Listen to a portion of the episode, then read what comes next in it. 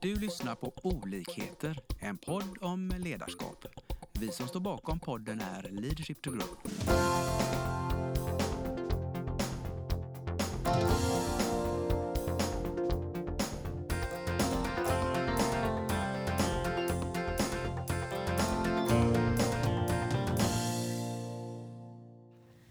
Hej och välkommen till eh, dagens podd. Idag har vi eh, Mats Andersson. och Lena Engström som ska spåna lite om eh, framtiden. Och vi ska spåna i någonting som vi kallar för det omvärldsanpassade ledarskapet. Det låter ju flummigt, Mats. Jätteflummigt och då trivs jag. Ja, När det inte är så exakt och så, så precis. va? berätta. Hur vad tänker du när vi pratar om omvärldsanpassat ledarskap? Jag tänker ungefär så här att en del företag de tenderar att bara hamna i trender. Eh, kanske inte för att de själva aktivt har bestämt att de ska göra det utan för att det, det känns bra. Och då kan man ju fråga sig vad, vad, vilka goda resultat får man av det? Av att det känns bra. Ja, men precis. Konkurrenterna gör så, då måste vi också göra så. Springa på allting som händer. Har du några exempel, bra och dåliga exempel på det här? Precis exakt nu så fick jag upp någon sån här bild av, eh, eller någon, ett fragment i alla fall av någonting jag läste i, i den här boken eh, eh, Steve Jobs memoarer. Och jag kan inte citera det exakt, men, men det, var, det var någonting om hur, liksom alla tyckte att vi skulle göra på ett speciellt sätt. Medan han var så fokuserad, liksom sålla bort allt brus. Han hade en större plan som, som hängde på någonting och den följde han stenhårt. Eh, baserat givetvis då på, på omvärlden och vad, omvärld, vad han såg i omvärlden. Eh, så så, så det, det är nog det som kanske lite undermedvetet har legat och grott hos mig och, och hur jag då har sett just de här sakerna. Du frågar mig om jag har något exempel. Ska vi ta eh, skrivmaskinsföretaget Facit? Ja, Det gick väl sådär för dem. precis. Där var det massa trender som var igång och de satte huvudet i sanden och skulle fortsätta så som de tyckte att de var framgångsrika på. Ja.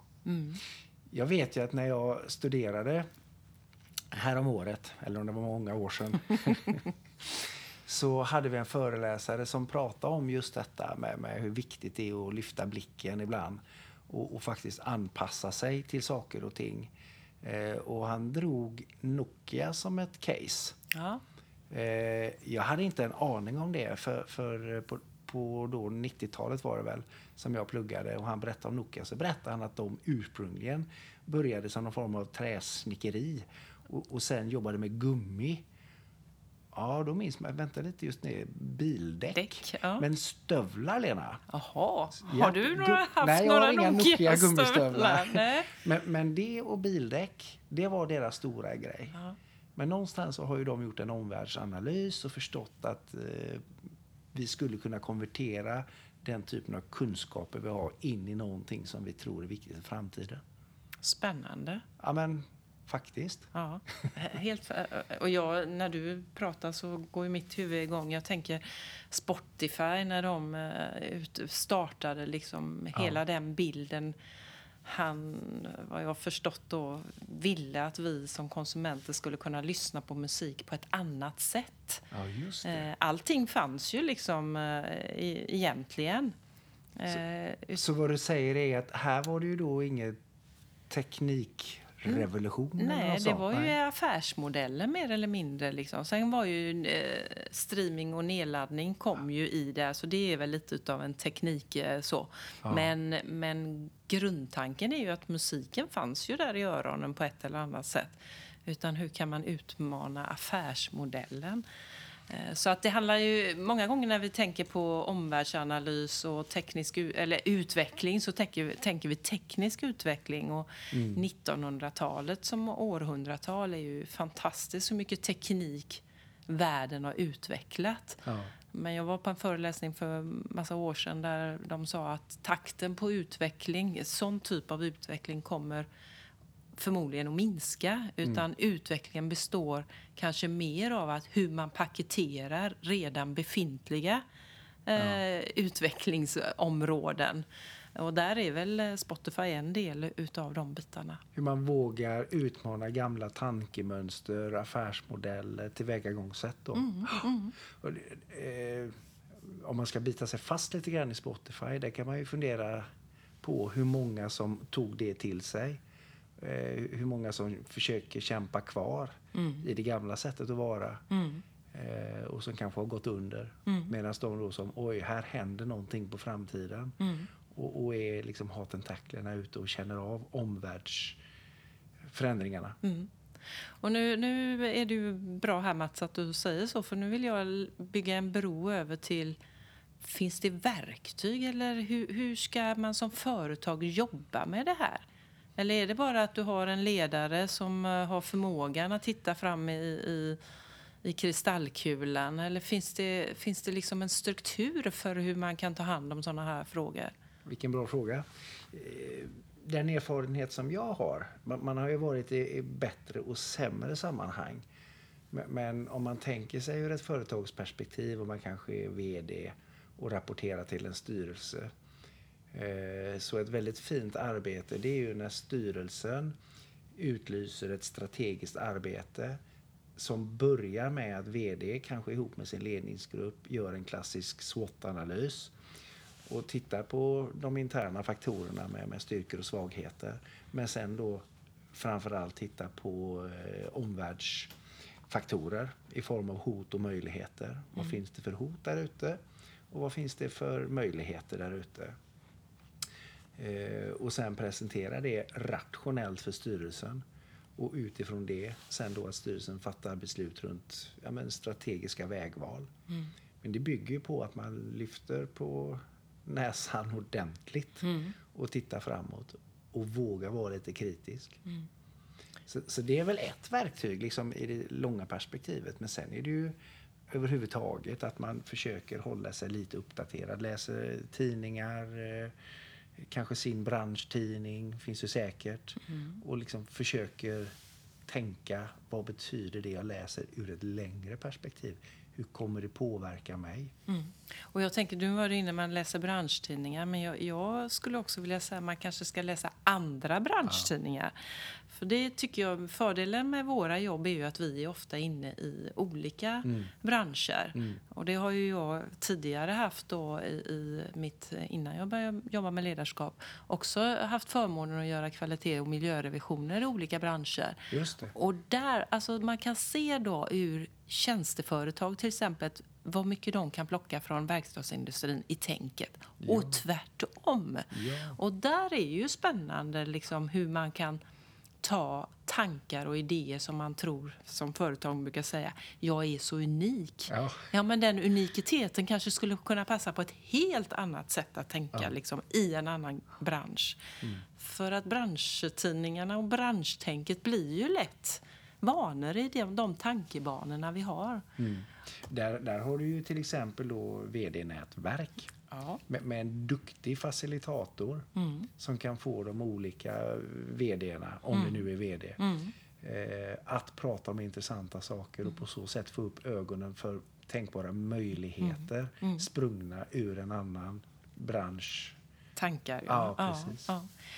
Jag tänker också liksom det här digitaliseringsårtiden som vi är inne i. Liksom. Där tror jag också det finns mycket mycket som man kan dra nytta utav. Hur digitaliserar ni i den här branschen? Kan vi göra på an- liknande sätt i en annan bransch? Eh, Så det finns mycket. Det gäller, att, som du var inne på, att lyfta blicken och vara nyfiken. Otroligt nyfiken. Men du, när man då är ett företags vd eller styrelseordförande eller sådär, ska man bara hänga på alla trender? Fra, eh, så? Eller hur, hur? Ja. Eh, nej men det, det är väl just det som är eh, kanske jättefarligt. Tror jag. Att bara hänga på för hänga på skull. Eh, om, man- om man tar teknik då. eh, Det, det är ju, nu kommer allt det digitala och tekniken och så. Eh, lätt att hänga på för sakens skull och så blir man istället slav under tekniken. Mm. Istället för att verkligen fundera på vad är det vi sysslar med? Mm. Varför gör vi det och vad är vårt högre syfte eller längre mål? Mm. Och hur kan vi istället då få tekniken att jobba för oss? Mm. Om vi då tar tekniken just. Mm. Så, så att jag tror att man ska vara ganska känslig där. Mm. Och, och fundera på sig långsiktiga. Mm. Men, men också då fundera över hur potentiellt vi kan överleva. Vad är det för vad, är- liksom, vad är det för svängningar där ute och vad tror jag om 5, 10, 15, 20 års sikt? Mm. Ska jag då verkligen jobba kvar så som jag gör idag? Mm. Eh, och det kanske inte bara handlar om att justera sin verksamhet utan att, att totalt lägga ner den, använda sin kompetens men på någonting helt annat. Och där är ju en viktig del då, det är ju att det handlar ju om att ta medvetna val. Ja, Att göra det hela tiden, inte ta eh, göra valen på en känsla, att det känns gött i magen eller sådär. precis. Utan att man faktiskt kan argumentera för sitt val att hänga på eller eh, avvakta. Eh, För att sen naturligtvis eh, kanske man behöver ändra sig om ett år eller två. Men eh, då har man ju definierat varför tog jag det beslutet då och har det ändrat sig liksom. Så att dokumentera sina beslut varför man går åt det ena eller andra hållet tror jag är en viktig del. Mm. Och det är väl någonting som jag upptäcker ibland eller som jag kan reflektera över, har gjort i många år. Att vi är jäkligt bra på att utveckla och så har de stora företagen, även små företag, någonting som brukar heta vitböcker. Där man då ska utvärdera sitt eh, projekt.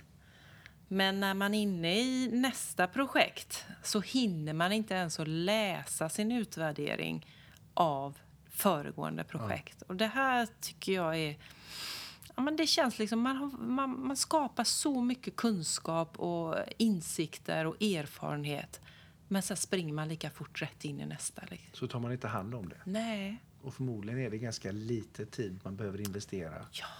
Men får jättemycket ut av det. Mm. Mm. Mm. Men, men alltså jag tycker du ringar ju in allting här väldigt bra.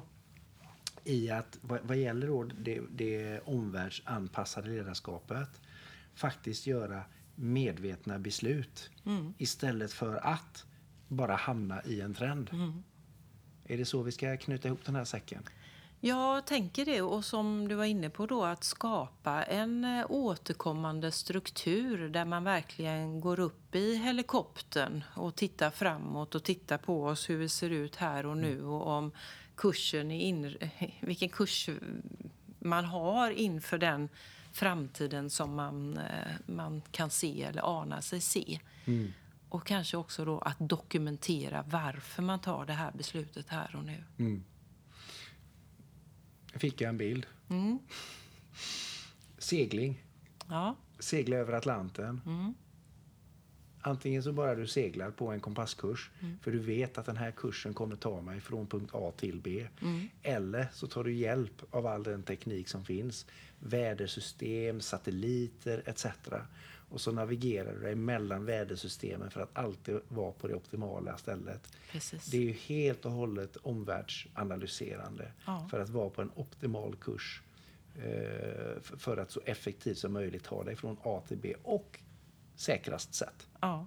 ja, jag tänker också bekvämligaste sätt. Ja, ab- Går inte raka vägen Nej. rätt in i stormen utan Nej. kanske lägger mig lite syd om stormen och, och så det, till syvende och sist så kanske det tar lika kort eller lång tid som om jag skulle jobba mig igenom det, det mest jobbiga eh, Ja. förutsättningarna. Mm. Yes. Härligt! Ni där ute, eh, skapa er en struktur att eh, regelbundet komma tillbaka till. Där ni går upp i- helikoptern och tittar på vägen över Atlanten för att få den så härlig som möjligt.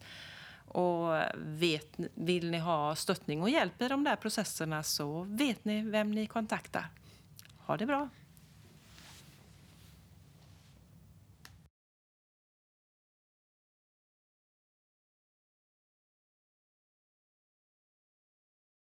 Vi hoppas att vi har väckt tankar om hur du kan utveckla och stärka ditt personliga ledarskap. Följ oss gärna på våra sociala medier där vi heter Leadership to Grow. Om du vill ha mer inspiration och verktyg, gå in på vår hemsida leadershiptogrow.com. Tack för att du lyssnar.